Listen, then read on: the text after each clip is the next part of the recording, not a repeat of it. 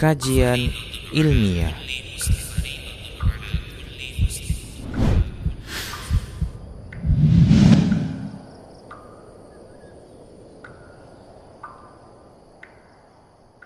Bismillah, Assalamualaikum warahmatullahi wabarakatuh. Innal hamdalillah nahmaduhu wa nasta'inuhu wa nastaghfiruh wa na'udzu billahi min shururi anfusina wa min sayyiati a'malina. Man yahdihillah fala mudilla lah wa man yudlilhu fala hadiyalah. Wa ashhadu an la ilaha illallah wahdahu la syarika lah. Wa ashhadu anna Muhammadan abduhu wa rasuluhu sallallahu alaihi wasallam قال الله تبارك وتعالى يا أيها الذين آمنوا اتقوا الله حق تقاته ولا تموتن إلا وأنتم مسلمون يا أيها الناس اتقوا ربكم الذي خلقكم من نفس واحدة وخلق منها زوجها وبث منهما رجالا كثيرا ونساء. واتقوا الله الذي تساءلون به والأرحام. إن الله كان عليكم رقيبا. يا أيها الذين آمنوا اتقوا الله وقولوا قولا سديدا يصلح لكم أعمالكم ويغفر لكم ذنوبكم. ومن يطع الله ورسوله فقد فاز فوزا عظيما. أما بعد. فإن أحسن الكلام كتاب الله وخير الهدى هدى رسول الله صلى الله عليه وسلم وشر الأمور محدثاتها وكل محدثة بدعة وكل بدعة ضلالة وكل ضلالة في النار para muslim, para hamba Allah, rahimani wa rahimakumullah. Alhamdulillah, kita bersyukur kepada Allah Subhanahu wa taala atas semua nikmat yang Allah berikan. Selawat dan salam tak lupa kita ucapkan untuk Rasulullah Muhammad sallallahu alaihi wasallam. Para pemirsa Rosa TV dan para pendengar radio Medan Mengaji di mana saja Anda berada, A'azani Allah wa iyyakum kita akan lanjutkan pembahasan fikih muamalah dan masih kita bahas tentang pembahasan wasiat berikutnya adalah terkait dengan sifat-sifat dari wasiat itu. Sesungguhnya eh, wasiat itu bisa berupa terucapkan dengan lisan dan bisa juga berupa tertulis dalam tulisan dan semuanya adalah sah. Hanya saja dianjurkan untuk dia dijadikan sebagai bentuk tulisan apabila telah terucap dalam bentuk ucapan, ya. Yang didengar itu dari orang yang berwasiat. Maka dianjurkan untuk dia ditulis wasiat tersebut atau menuliskan wasiat tersebut lalu mempersaksikan wasiat tersebut ya di antara para saksi untuk menghilangkan perselisihan. Nah, ini diperlukan. Mengapa demikian? Dikarenakan terkadang orang yang mendengar wasiat tersebut lalu menyampaikan kepada orang-orang yang menjadi ahli waris di sana, ya, terkadang ini tidak dipercaya. Ya, atau kurang dipercaya sehingga ini yang membuat ya wasiat tersebut terkadang tertunda. Wasiat tersebut diragukan sehingga ya tidak terlaksana. Demikian ya. Oleh karenanya dianjurkan untuk tertulis ya dan tentunya ditandatangani oleh orang yang berwasiat seperti itu. Nah ini akan ya lebih mudah untuk diterima dan ini untuk menghilangkan perselisihan, menyelesaikan perbedaan. Demikian ya. Berdasarkan hadis, ada hadis dari Abdullah bin Umar radhiyallahu anhuma bahwasanya Rasulullah Shallallahu alaihi wasallam pernah bersabda, "Ma haqqum ri'in muslimin lahu syai'un yusi fihi" yabitu lailataini illa wa wasiyatuhu maktubatun indahu muttafaqun alaihi Nabi kita Muhammad Rasulullah Shallallahu Alaihi Wasallam bersabda, tidaklah hak seseorang Muslim yang memiliki sesuatu yang dia bisa berwasiat padanya, yang dia bermalam di dua malam kecuali wasiatnya itu dalam kondisi tertulis di sisinya. Demikian. Hadis riwayat Bukhari dan Muslim. Nah, ini menunjukkan ya anjuran untuk menuliskan wasiat. Ya. Ketika hendak tidur, ya, lalu diletakkan ya di sisinya tentunya. Demikian. Nah, ini uh, anjuran Nabi kita Muhammad Shallallahu alaihi wasallam tentunya bagi orang yang ingin ber, berwasiat. Tentunya bagi orang yang ingin berwasiat ya uh, kepada orang-orang yang nantinya akan ditinggalkannya. Demikian para muslim rahimani wa rahimakumullah. Nah, siapakah orang yang sah wasiatnya? Nah, wasiat wasiat ya akan menjadi sah itu bagi orang yang sah kepemilikannya, baik itu dari orang muslim atau orang kafir yang tertentu. Dengan segala sesuatu harta yang padanya terdapat ya kemanfaatan yang mubah demikian bukan sesuatu yang haram bukan sesuatu yang terlarang demikian nah dianjurkan untuk berwasiat itu diarahkan kepada masjid-masjid ya.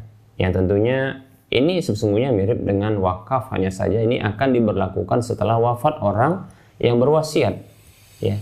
Nah ini diarahkan kepada masjid-masjid kemudian untuk uh, sumber air, demikian pula eh, bangunan-bangunan pendidikan Islam dan seterusnya dari bentuk-bentuk kebaikan dan kebajikan yang manfaatnya ini akan terus mengalir ya terus bisa diambil sehingga pahala nantinya setelah wafat orang tersebut ya ini akan didapatkan oleh orang yang berwasiat tersebut ya Nah, ini tentunya bentuk tolong menolong di atas kebajikan dan takwa. Allah berfirman di dalam surah uh, Al-Maidah ayat 2, A'udzu billahi minasyaitonir rajim wa ta'awanu 'alal birri wat taqwa. Ya, saling tolong menolonglah kalian di atas kebajikan dan takwa. Demikian. Demikian ini demikian pula ini termasuk bentuk uh, bersedekah ya berbuat kebaikan yang pahalanya akan mengalir kepadanya setelah kematiannya tentunya nah wasiat adalah ya. Bentuk me mengarahkan hartanya yang melepaskan hartanya yang ditetapkan sebelum ya kematiannya dan akan diberlakukan setelah wafatnya. Demikian. Inilah wasiat. Nah walaupun akhirnya akan menjadi eh, apa namanya menjadi wakaf ya tapi eh, terhitung atau uh, dilihat dari pemberlakuan ya penyaluran atau distribusi atau uh, harta tersebut distribusi harta tersebut setelah wafatnya maka ini disebut dengan wasiat Rasulullah Shallallahu Alaihi Wasallam bersabda, "Idza matal insanu in amaluhu illa min salasin." Apabila mati manusia itu maka terputuslah amalnya kecuali dari tiga jalur. Illa min sadaqatin jariyatin aw ilmin yuntafa'u bihi aw waladin salihin yad'u lahu. Hadis riwayat Muslim dan yang lainnya. Kata Nabi Shallallahu Alaihi Wasallam, ya kecuali dari tiga jalur tadi, ya kecuali dari sedekah jariah yaitu sesuatu yang dikeluarkan dari hartanya lalu kemudian harta tersebut dimanfaatkan seterusnya. Demikian. Sedekah jariah yang mengalir pahalanya. Atau anak yang soleh uh, atau ilmu yang bermanfaat atau anak yang soleh yang mendoakan kebaikan kepadanya. Demikian baik para muslim rahimani wa rahimakumullah nah kita akan sebutkan berikutnya tentang eh, bentuk-bentuk uh, wasiat Ya. Wasiat itu bisa berbentuk ya nantinya adalah ya dengan melakukan tindakan ya. Wasiat itu bisa nanti dengan tindakan ya yang telah ditetapkan setelah kematian. Ada yang wasiat itu berbentuk uh, wasiat harta yaitu pelepasan ya atau pengambilan sebagian harta dari harta yang ditinggalkan oleh orang yang berwasiat tersebut setelah kematiannya diarahkan untuk uh, kebaikan-kebaikan dan kebajikan-kebajikan demikian. Ya ini dua bentuk ya dua bentuk wasiat. Yang pertama tadi adalah wasiat berupa uh, tindakan wasiat berupa tindakan yaitu wasiat uh, berbentuk tindakan yang diketahui yang akan dilakukan setelah uh, wafat orang tersebut. Seperti contohnya wasiat ya uh, orang orang tertentu kepada seseorang untuk menikahi putrinya. Nah, seperti itu. Ya. Contohnya ada seseorang yang akan meninggal dunia lalu dia mewasiatkan kepada seseorang ya untuk menikahi putrinya. Demikian, ya. Atau berwasiat untuk nanti menjadi wali dari uh, putrinya. Demikian. Menjadi wali dari putrinya. Seperti itu. Ada wasiat seperti itu ya. Dan meminta kepada uh, apa namanya wali yang lain untuk merelakan ya. Perwalian tersebut nanti diarahkan kepada seseorang. Demikian ya. Begitu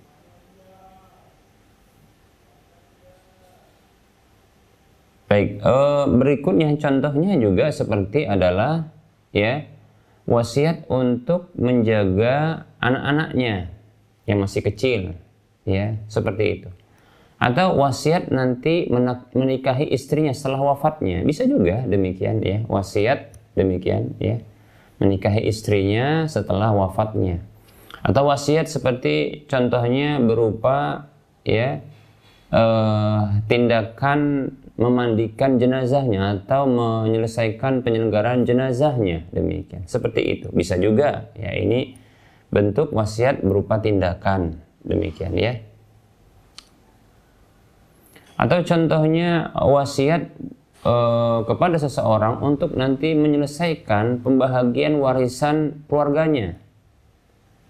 Ahli waris yang ditinggalkannya. Bisa juga demikian ya seperti itu dan seterusnya dari wasiat-wasiat yang ini dianjurkan untuk melakukannya dan itu bentuk kebaikan, bentuk ibadah kepada Allah Subhanahu wa taala yang akan ya tentunya apabila dilaksanakan maka akan mendapatkan pahala tentunya bagi orang yang mampu untuk melakukannya. Demikian para muslim rahimani wa rahimakumullah. Kemudian e, bentuk wasiat yang kedua adalah wasiat dengan harta. Nah, ini adalah wasiat yang pada umumnya dikenal ya. Wasiat dengan harta seperti contohnya dia berwasiat dengan e, seperlima dari hartanya untuk diarahkan kepada fakir, miskin, ya. Atau contohnya ya wasiat untuk e, memberikan ya makan kepada anak-anak yatim seperti itu. Begitu juga wasiat untuk menyantuni fakir miskin, ya. Wasiat contohnya untuk uh, membantu ya uh, seperti pembangunan masjid, ya, seperti itu. Wasiat untuk ya uh, mengarahkan ya sebahagian lahannya untuk pendidikan Islam dan seterusnya. Ini disebut dengan wasiat harta bentuk yang kedua ya. Itu diambil dari hartanya tentunya ya. Baik itu uh, harta tersebut nanti akan dikonversikan dengan nilai uh, uang atau dengan harta tersebut yang langsung diambil diarahkan untuk kebaikan. Seperti itu ya. Maka seperti ini disebut dengan wasiat harta. Demikian para muslim rahimani wa rahimakumullah. Kemudian Bagaimana hukum terkait dengan perubahan wasiat? Ya, wasiat itu hendak dirubah. Ya. Nah, tentunya merupakan sebuah kewajiban ya wasiat itu adalah ya berupa kebaikan, ya. Bukan untuk kemudaratan kepada ahli waris. Ya, maka ini diharamkan. Ya contohnya bentuk wasiat yang memudaratkan ahli waris di antaranya contoh ini yaitu mewasiatkan seluruh harta agar tidak ya didapatkan oleh ahli waris. Demikian. Ya. Maka ini tidak benar ya. Begitu juga contohnya ya uh, wasiat yang uh, me menihilkan sebahagian hak dari ahli waris ya. Mencabut atau menggugurkan sebagian dari ahli waris. Contoh ya ada satu anak yang tidak disenangi oleh orang tua ini ya orang tua ini. Dikarenakan mungkin anak tersebut tidak taat ya. Baiklah kita katakan anak tersebut adalah anak durhaka kita katakan demikian. Tapi bukan lantas dia ya digugurkan haknya dari hak warisan tidak benar ya karena gugur, gugurnya warisan itu beberapa sebab di antaranya seperti karena perpindahan agama, beda agama. Begitu juga contohnya karena ada pembunuhan, ya itu contohnya ada eh, ahli waris ini melakukan pembunuhan terhadap ya orang yang akan diambil harta warisan darinya demikian. Ya, makanya seperti ini tentu tidak akan mendapatkan ya harta eh, warisan demikian ya. Namun apabila hanya sekedar karena uh, ketidaksepahaman ya antara ya orang yang akan mewariskan hartanya kepada calon ahli waris ini, maka wasiat untuk menihilkan atau menggugurkan hak ahli waris tersebut, maka ini tidak dibenarkan. Bahkan ya ini merupakan bentuk kemudaratan dan keharaman apabila diberlakukan. Demikian para muslim rahimani wa rahimakumullah ya. Nah, diharamkan bagi orang yang uh, diharamkan bagi orang yang mendapatkan wasiat itu ya atau orang yang lainnya untuk mengganti wasiat. Yang wasiat itu berisi tentang keadilan contohnya ya. Diganti wasiatnya. Nah tidak boleh mengganti wasiat isi wasiat tidak boleh diotak-atik diganti tidak boleh ya. Ya. Bila wasiat tersebut berisi tentang ya keadilan demikian. Maka siapa saja yang menggantinya maka dia berdosa dan dia bentuk ya melakukan tindakan melampaui batas ya yang itu bukan merupakan haknya. Demikian berbeda halnya apabila wasiat tersebut ternyata bertentangan dengan syariat maka tentunya dengan diganti bahkan ya tidak diberlakukan wasiat tersebut maka ini merupakan bentuk apa? Ya, bentuk kebaikan bahkan. Ya, bahkan dianjurkan bagi orang yang mengetahui bahwa dalam wasiat tersebut ada dosa, ada bentuk kezaliman, ya, bentuk kezaliman. Ya. Kalau jika mampu dia untuk menasihati orang yang berwasiat sebelum wafatnya, maka ini lebih baik, ya, seperti itu, ya. Dinasihatkan orang tersebut untuk memberikan wasiat yang terbaik, yang adil ya. Dan jangan sampai melakukan ya atau mengikrarkan sebuah wasiat yang yang berisi tentang kedoliman demikian. Seperti itu para muslim rahimani wa rahimakumullah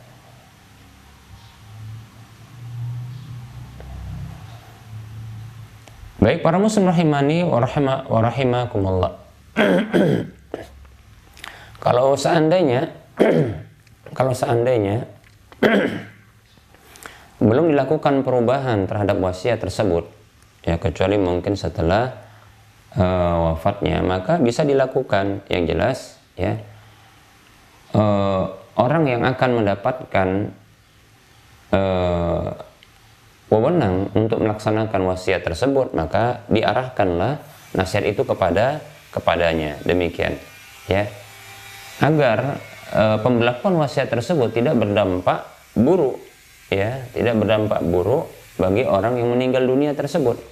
Ya karena ini bisa men menjadikan orang yang berwasiat tersebut menjadi berdosa ya. Karena diberlakukan wasiat tersebut yang berisi tentang kezaliman yang berisi tentang dosa yang bermuatan dosa dan kezaliman seperti itu ya. Demikian ya. Contoh wasiat untuk meratapi orang yang telah meninggal dunia tersebut. Nah ini ya seperti itu. Nah ini tidak boleh. ya ini untuk diberlakukan wasiat. Ini wasiat terkait dengan tindakan ya. Wasiat terkait dengan tindakan. Nah ini tidak boleh diberlakukan. Nah demikian begitu juga contohnya wasiat untuk diarahkan dibagi dengan cara merata contohnya warisan tersebut. Nah ini juga uh, wasiat yang tidak perlu untuk di di diindahkan. Kenapa? Karena ini menggugurkan ya uh, hak Allah Subhanahu wa taala ya atau bertentangan dengan hak Allah Subhanahu wa taala yaitu memberlakukan ya hukum waris pada harta warisan demikian ya. Yang sama dengan itu adalah contohnya ya wasiat untuk mengarahkan ya rumah induk itu kepada anak yang paling bungsu. Nah, ini kebiasaan sebagian suku ya di Indonesia ini. Maka yang seperti ini juga tidak boleh diberlakukan wasiat ini, ya. Kenapa? Karena Rasulullah mengatakan la wasiat warisin. Tidak ada wasiat bagi ahli waris. Demikian. Seperti itu. Ya. Maksudnya wasiat harta yang ditujukan kepada ahli waris. Mengapa? Karena ahli waris akan mendapatkan bagian harta dari jalur warisan bukan dari wasiat. Nah kalau dapat juga dari wasiat ya maka yang seperti ini ada unsur kezaliman di mana ahli waris yang lain yang yang uh, tidak ya. Ahli waris yang lain tidak mendapatkan bagian tersebut dengan cara yang yang benar. Demikian para muslim rahimani wa rahimakumullah. Demikian. Nah oleh karenanya ya eh, contoh ya contoh. Ya oleh karenanya kita tidak boleh untuk ya memperlakukan wasiat yang bila wasiat tersebut ternyata bertentangan dengan uh, syariat, bertentangan dengan hak-hak demikian, hak manusia. Contoh wasiat yang berupa uh, orang yang meninggal dunia atau seorang uh, orang tua yang dalam kondisi sakit parahnya dia berwasiat kepada anaknya agar tidak menjual harta warisan, tidak menjual harta warisan. Demikian. Tidak menjual harta warisan tersebut. Tidak boleh dijual. Ya, demikian. Baik, para muslim rahimani wa rahimakumullah. E, wasiat seperti ini mungkin di awal-awal e, di awal-awal atau e, di awal-awal di awal-awal dari Eh, setelah wafatnya orang tua tersebut ya ini mungkin tidaklah uh, memiliki masalah ya. Namun akan bermasalah bila ini dipertahankan seterusnya wasiat ini. Di mana contohnya ahli waris ya yang lainnya ini membutuhkan. Seperti contohnya membutuhkan ya untuk pelunasan hutang begitu juga untuk eh, kehidupan mereka, keseharian, seterusnya, ya. Maka wasiat orang tua berupa ketidakbolehan untuk menjual harta warisan tersebut ini tidak bisa dibenarkan ya tidak bisa untuk diberlakukan. Mengapa demikian? Karena ini bertentangan dengan warisan ya bertentangan dengan harta uh, dengan hukum pembagian waris demikian. Dan tentunya orang tua yang telah wafat dia tidak berhak terhadap harta yang ditinggalkannya lagi ya. Tidak berhak. Dan itu sudah beralih kepada ya ahli warisnya. Demikian ya. Hanya saja kewajiban ahli waris adalah menyelesaikan wasiat dan hutang. Demikian ya wasiat dan hutang. Nah apabila hutang telah diselesaikan dan ternyata wasiat itu bertentangan dengan warisan, maka tidak perlu untuk diindahkan, tidak perlu untuk diberlakukan wasiat tersebut karena bertentangan dengan hukum waris. Demikian para muslim, rahimani wa rahimakumullah. Baik para muslim rahimani wa rahimakumullah. Ada firman Allah Subhanahu wa taala di dalam surah Al-Baqarah ayat 180 sampai 182 Allah Subhanahu wa taala berfirman أعوذ بالله من الشيطان الرجيم. كتب عليكم إذا حضر أحدكم الموت. إن ترك خيرا الوصية للوالدين والأقربين بالمعروف حقا على المتقين. فمن فمن بدله بعدما سمعه فإنها فإنما إسمه على الذين يبدلونه. إن الله سميع عليم. فمن خاف min musin janafan aw isman fa aslaha bainahum fala isma alaih. Innallaha ghafurur rahim. Allah Subhanahu wa taala berfirman yang artinya diwajibkan atas kalian apabila kematian itu hendak menjemput salah seorang di antara kalian.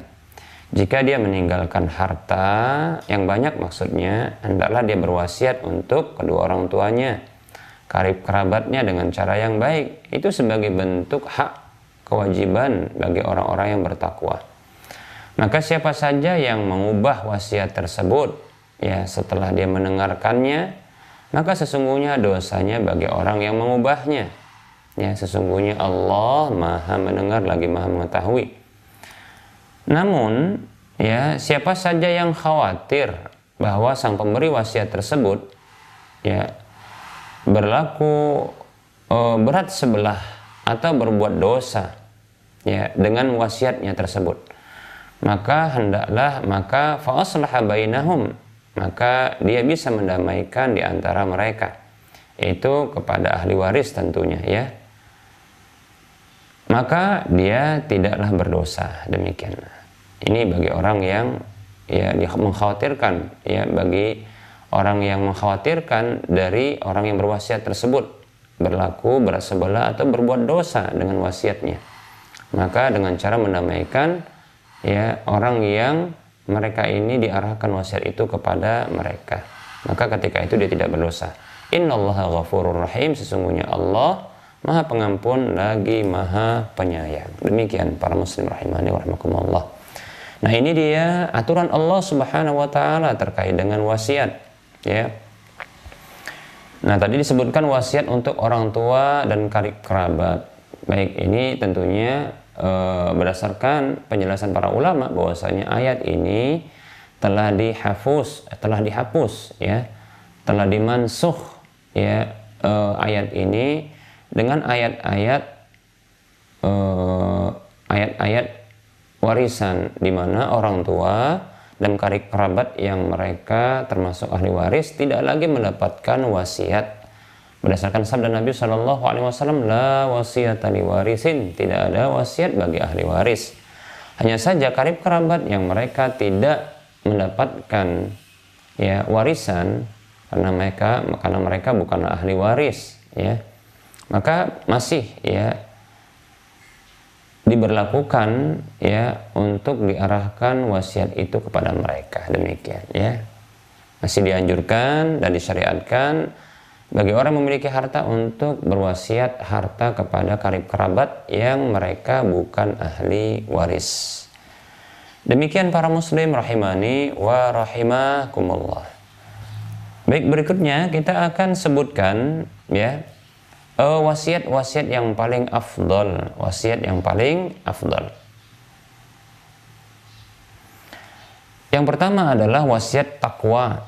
Ya, wasiat takwa ini yang paling afdol ya wasiat takwa jadi kalau kita mau berwasiat wasiat dengan takwa ya berdasarkan firman Allah Subhanahu wa taala di dalam surah An-Nisa ayat 131 Allah Subhanahu wa taala berfirman a'udzu billahi minasyaitonir rajim ولقد وصينا الذين أوتوا الكتاب من قبلكم وإياكم أن اتقوا الله nah, Allah Subhanahu wa taala berfirman di dalam surah An-Nisa ayat 131 dan sungguh kami telah wasiatkan kepada ahli ahlul kitab.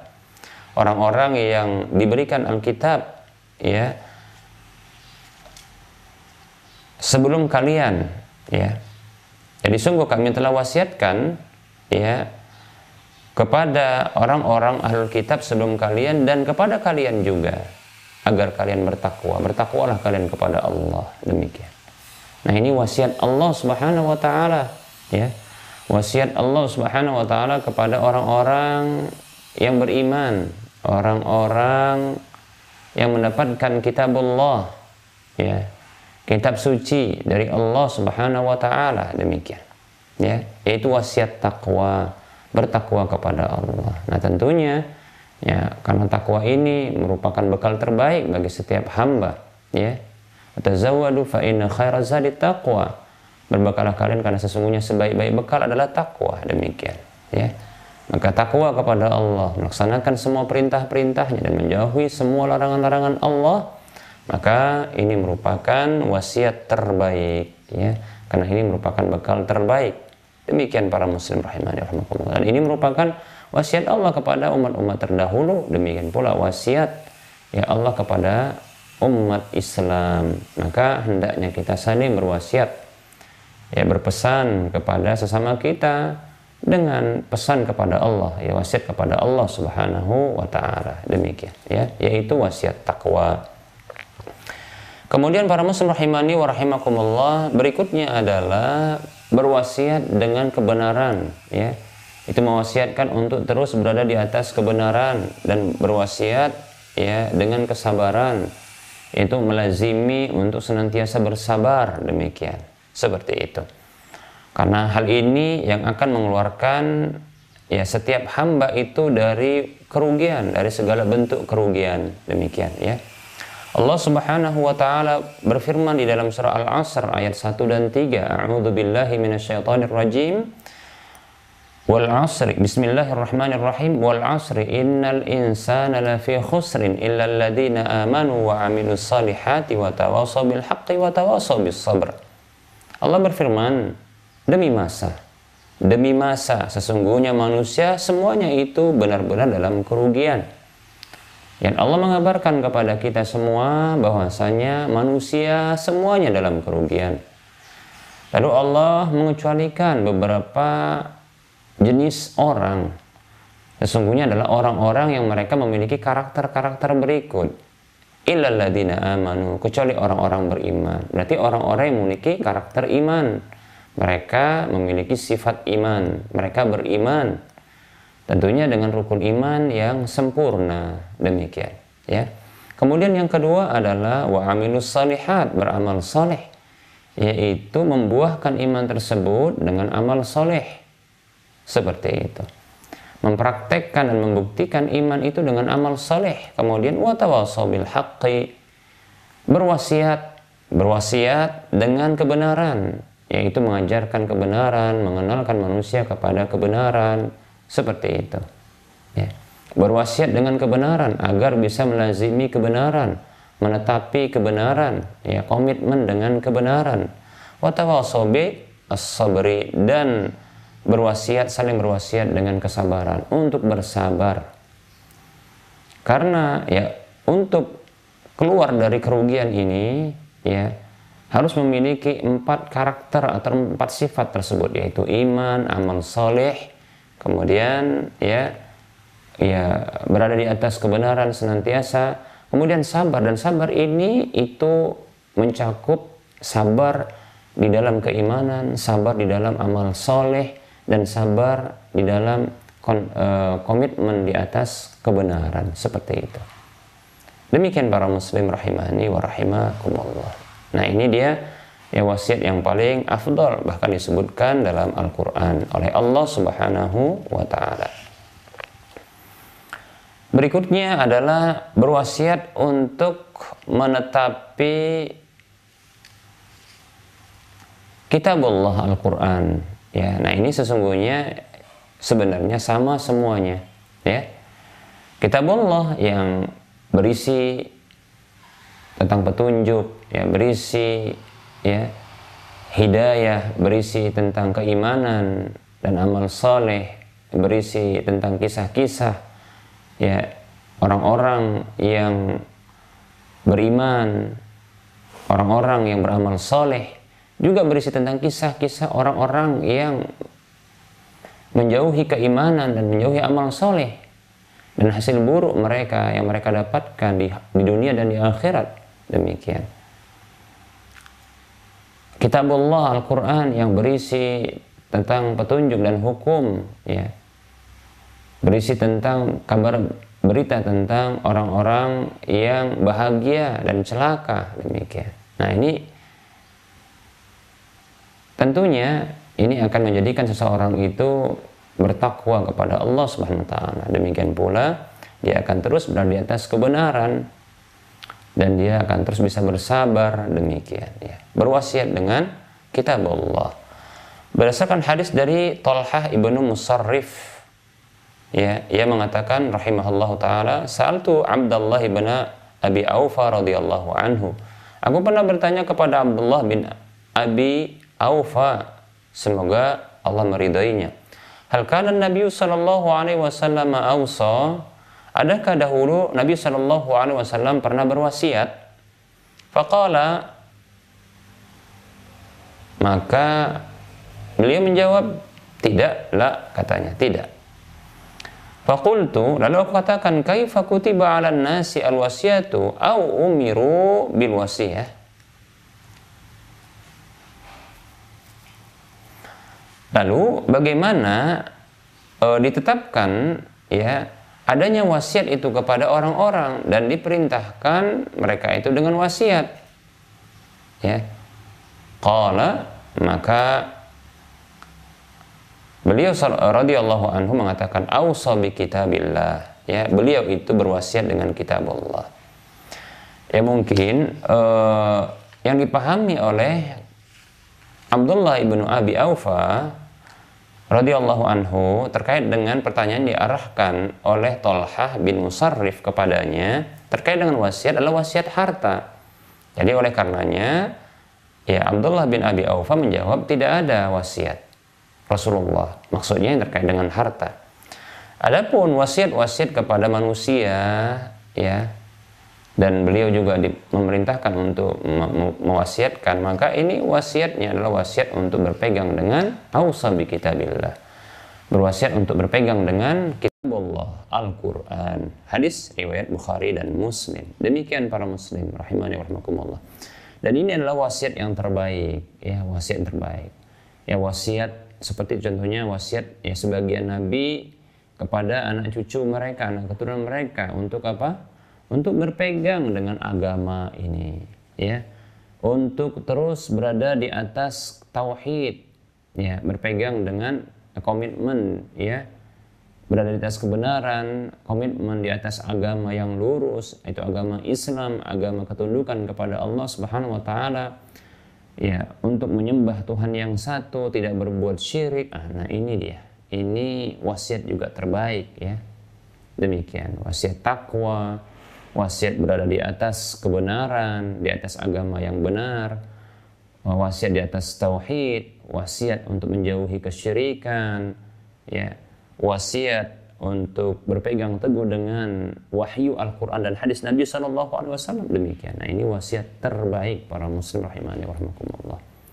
Ya semoga kita bisa diberikan ya uh, peluang oleh Allah Subhanahu Wa Taala untuk berwasiat dengan hal-hal yang baik ini.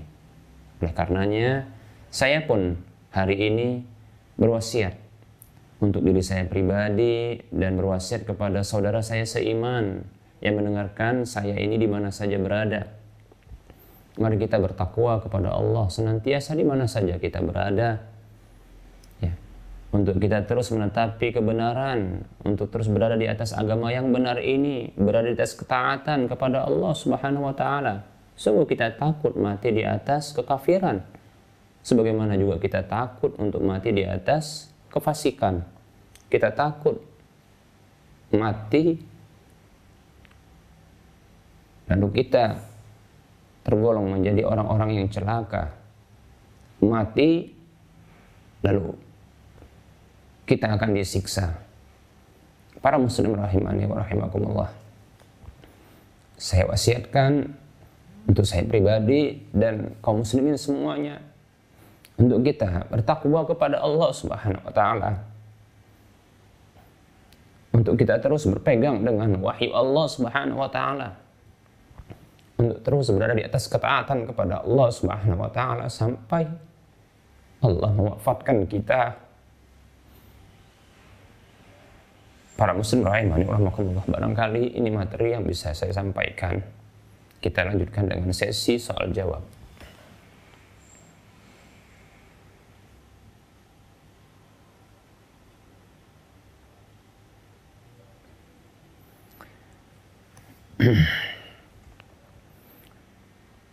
Baik, para muslim rahimani wa rahimakumullah. Ini ada pertanyaan. Bismillah. Maaf Ustadz mengganggu, mau bertanya. Saya memiliki ayam jantan usia 12 bulan. Jadi saya mau tukar tambah dengan orang yang punya dua ayam dengan usia tiga bulan. Ayam yang saya punya saya tukar dengan menambah 50 ribu untuk mendapatkan dua ayam tersebut darinya. Apakah ini hukumnya dibolehkan Ustadz? Baik ya. Kita tahu bahwasanya ya ayam ini hewan yang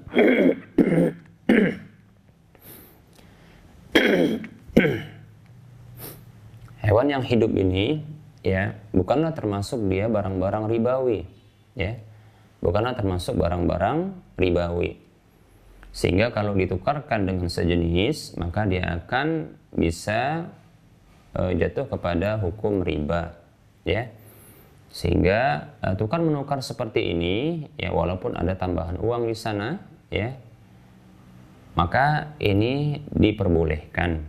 Mengapa? Alasannya karena ayam atau hewan yang hidup ya yang hewan halal yang hidup itu bukanlah barang-barang termasuk barang-barang ribawi bukan termasuk barang-barang ribawi sehingga kalau dia ditukar barang-barang ribawi barang-barang ribawi apabila ditukar ya yang dia sejenis ya dengan adanya perbedaan ya usia atau uh, perbedaan nilai takaran ya kuantitas maka ini akan jatuh kepada riba. Nah, oleh karenanya pertukaran ayam hidup seperti ini ya. Satu ekor walaupun dia 12 bulan dengan ya dua ekor masing-masing tiga bulan ditambah lagi yang ayam satu ekor ditambah 50 ribu maka ini bukanlah bentuk ya pertukaran barang-barang ribawi yang sejenis sehingga tidak jatuh kepada riba ini ya. Demikian. Jawabannya adalah boleh seperti itu. Demikian Baik,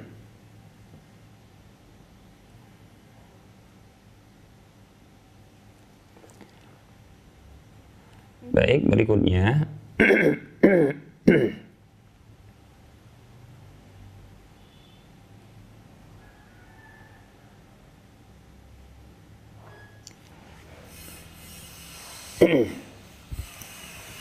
Kita akan mencoba untuk menjawab pertanyaan berikut ya. Ada pertanyaan ini.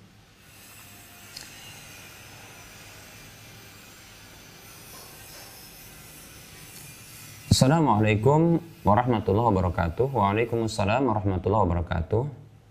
Maaf Ustaz, saya minta nasihat dan ilmunya. Di pabrik saya ada koperasi simpan pinjam. Koperasi pinjam uang ya. Akan tetapi saya mau mengajukan pinjam uang sekitar 30 juta untuk beli material bangunan rumah dengan pembayaran dicicil tanpa bunga dan denda. Pertanyaannya, apakah boleh pihak koperasi belanjakan material bangunan tersebut? Pihak koperasi memberi kepada kita, itu maksudnya sang penanya, uang 30 juta untuk belanja material. Apakah boleh bayar dengan cicilan nantinya itu menjadi 50 juta sampai lunas? Apakah boleh akan seperti itu, Ustadz? Baik ya. Nah tentunya ya pinjaman lebih tepat adalah hutang di sini 30 juta yang diterima oleh e, pegawai atau karyawan di sini lantas nanti akan dikembalikan 50 juta ini ya bunga ya ini bunga. Bunga beracun ini seperti ini ya. Ini riba ya. Kullu qardin jarra naf'an riba. Setiap hutang piutang yang menarik keuntungan ya maka dia adalah riba demikian ya seperti itu. Itu adalah riba.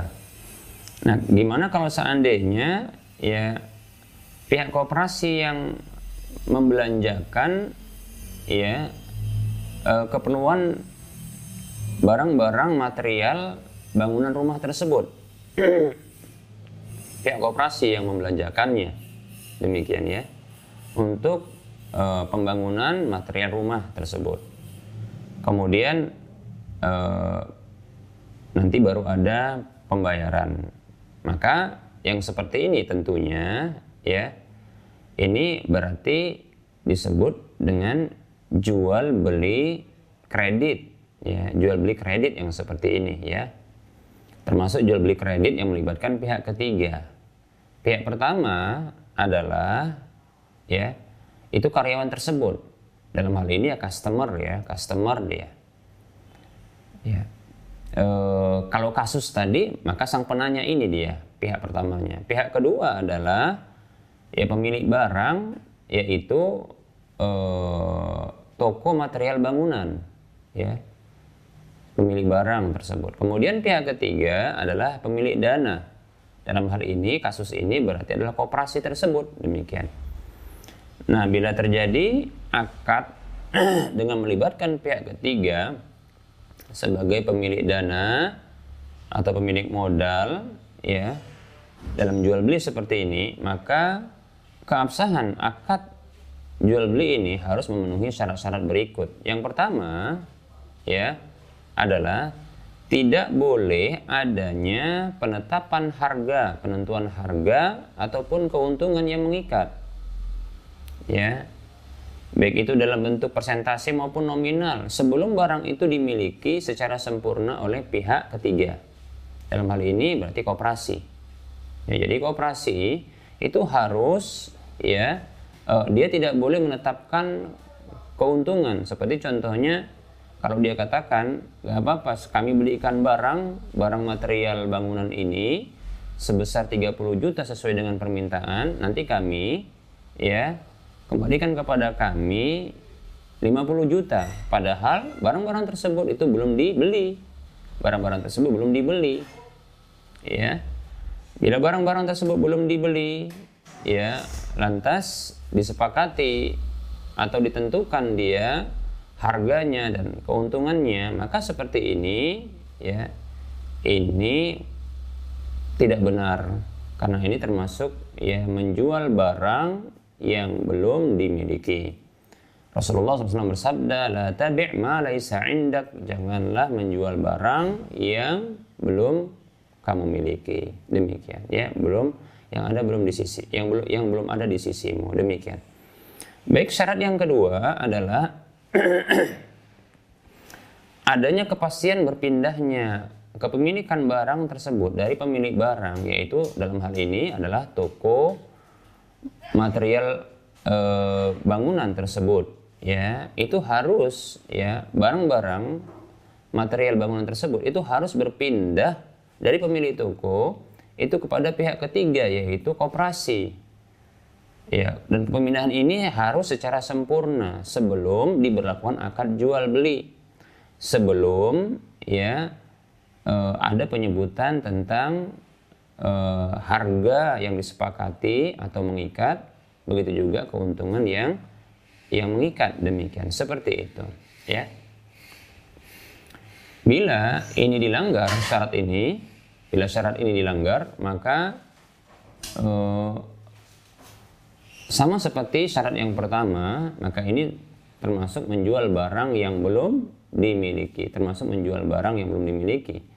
Ya melanggar hadis Nabi Shallallahu Alaihi Wasallam, la tabi' ma. Jangan engkau jual barang yang belum engkau miliki. Demikian, ya. Kemudian yang ketiga, syarat ketiga diberlakukan adanya hak khiyar, yaitu masing-masing pihak itu memiliki hak untuk membatalkan atau melanjutkan akad jual beli. Artinya itu tidak mengikat. Demikian. Boleh nggak kalau seandainya tadi disebutkan harga? Boleh, tapi harganya tidak mengikat, hanya sekedar mungkin sekedar gambaran. Maka gak, harga tersebut pun itu bisa contohnya bisa e, naik atau turun. Contoh tadi dikatakan tidak masalah kalau seandainya ya e,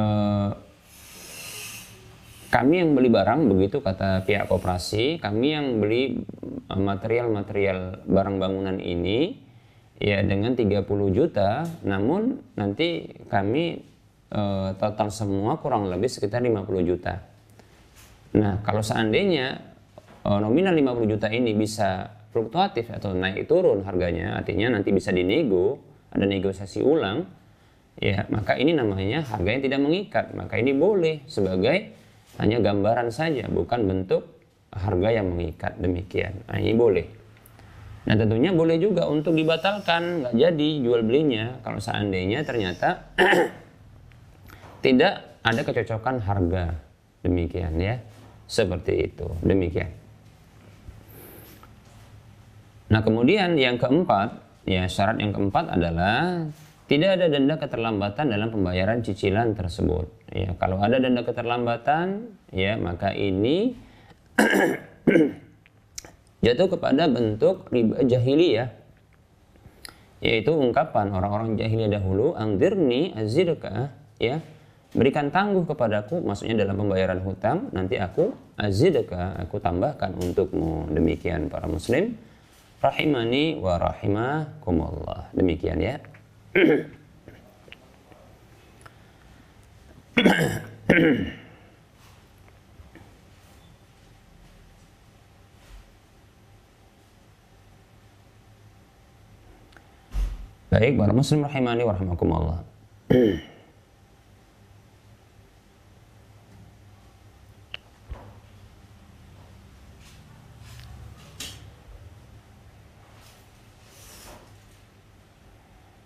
Kita akan lanjutkan kepada uh, pertanyaan berikutnya.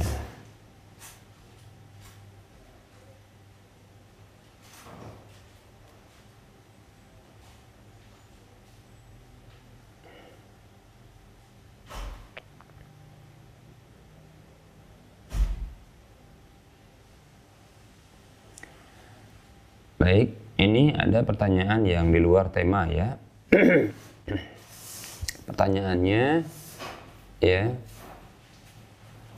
seperti ini. Assalamualaikum warahmatullahi wabarakatuh. Waalaikumsalam warahmatullahi wabarakatuh. Maaf Ustaz, saya mau bertanya. Seorang wanita yang sudah tidak dinafkahi secara lahir maupun batin oleh suaminya, bagaimana dengan status pernikahannya?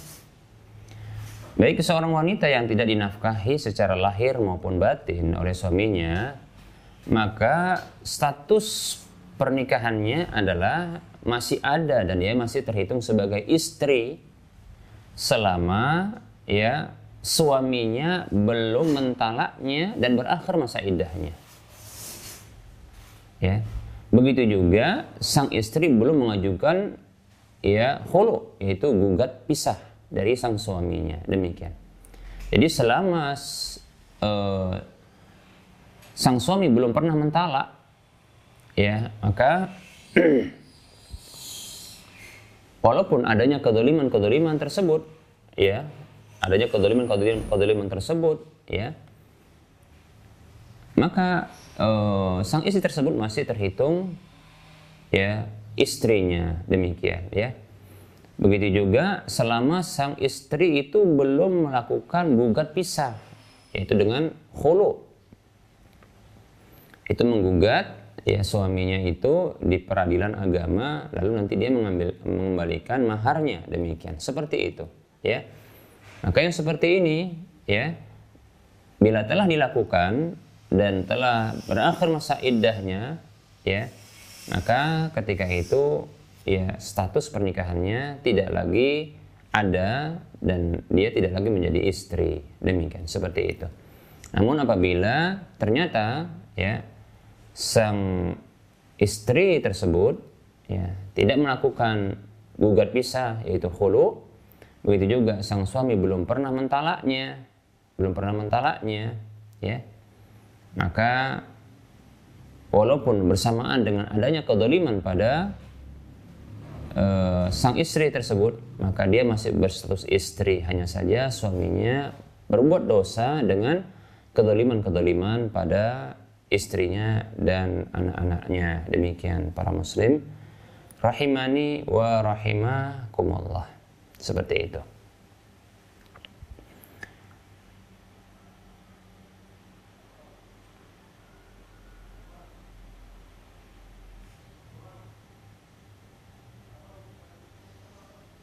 Baik, ada pertanyaan. Assalamualaikum Ustadz. Izin bertanya terkait dengan ongkos kirim. Kami menjual kerupuk mentah untuk daerah Medan dan untuk daerah Medan kota. Kami beri ongkos kirim 7 sampai 8 ribu per orang namun ketika pesanan itu mencapai ya tiga orang, suami mengatakan ongkos kirimnya tiga ribu saja. Ya, bagaimana seharusnya Ustaz? Karena tidak ada ketetapan pada akhirnya. Demikian.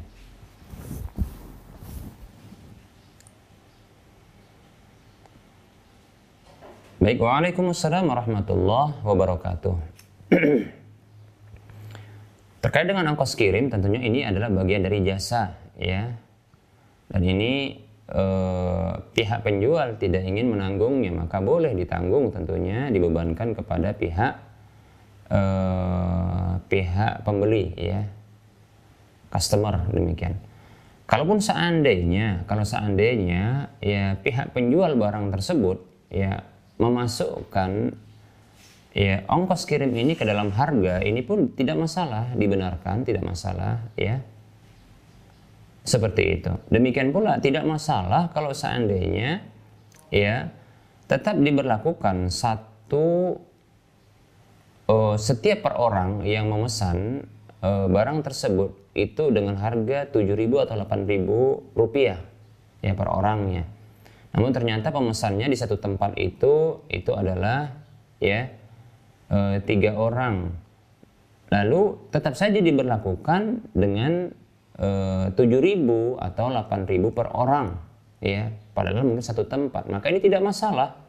Tidak masalah. Bukan satu kesalahan. Demikian. Namun merupakan bentuk ya bentuk e, daya tarik ya kepada para e, konsumen atau customer pembeli ya. Ini memberikan harga uh, miring untuk ongkos kirim. Seperti contohnya lebih dari tiga orang maka akan diberikan harga ya 3000 ya per orangnya. Apakah boleh seperti ini? Boleh. Hanya saja disebutkan di awal ya. Di awal contohnya. Maka boleh seperti ini. Nah ini sebagai daya tarik. Ini boleh ya. Nah, contoh ya eh, bila ada di Medan Kota ya ada bertetanggaan mereka ini pesan ya berdekatan seperti itu. Ya. Ya lebih dari tiga contohnya. Lantas mereka memesan barang yang sama. Ya maka tidak masalah ya diberikan harga potong tersebut. Tapi disebutkan di awal agar mereka nanti apa namanya bisa e, termotivasi untuk membeli lebih banyak atau me, apa namanya memotivasi atau barangkali menawarkan pembelian e, barang tersebut kepada teman-teman ya handai tolan ataupun tetangga-tetangga dekatnya demikian. Nah ini merupakan bentuk e, e, iklan dagang yang paling jitu ya yaitu dari lisan ke lisan seperti itu ya. Baik, nah ini tidak masalah insya Allah taala. Hanya saja mungkin dari awal itu dijelaskan ya dipaparkan ya diketahui oleh uh, pembeli calon pembeli. Demikian ya dalam iklannya tentunya ya. Seperti itu. Wallahu taala a'lam. Baik uh, barangkali ini kajian yang bisa saya sampaikan. Mudah-mudahan bermanfaat ya. Mohon maaf tentunya atas segala kekurangan dan kesalahan. Kebenaran itu datangnya dari Allah Subhanahu wa taala kesalahan dan kekurangan serta kekeliruan itu datangnya dari saya pribadi dan bisikan syaitan kepada Allah. Saya mohon ampun kepada para pemirsa dan pendengar sekalian. Saya mohon maaf. Insya Allah kita bisa ketemu lagi ya. Dan mudah-mudahan Allah mempertemukan kita di surganya. Amin ya rabbal alamin. Sallallahu ala Muhammad wa ala alihi wa ashabihi ajma'in. Subhanakallahumma wa bihamdika asyhadu an la ilaha illa anta astaghfiruka wa atubu ilaika walhamdulillahi rabbil alamin. Wassalamualaikum warahmatullahi wabarakatuh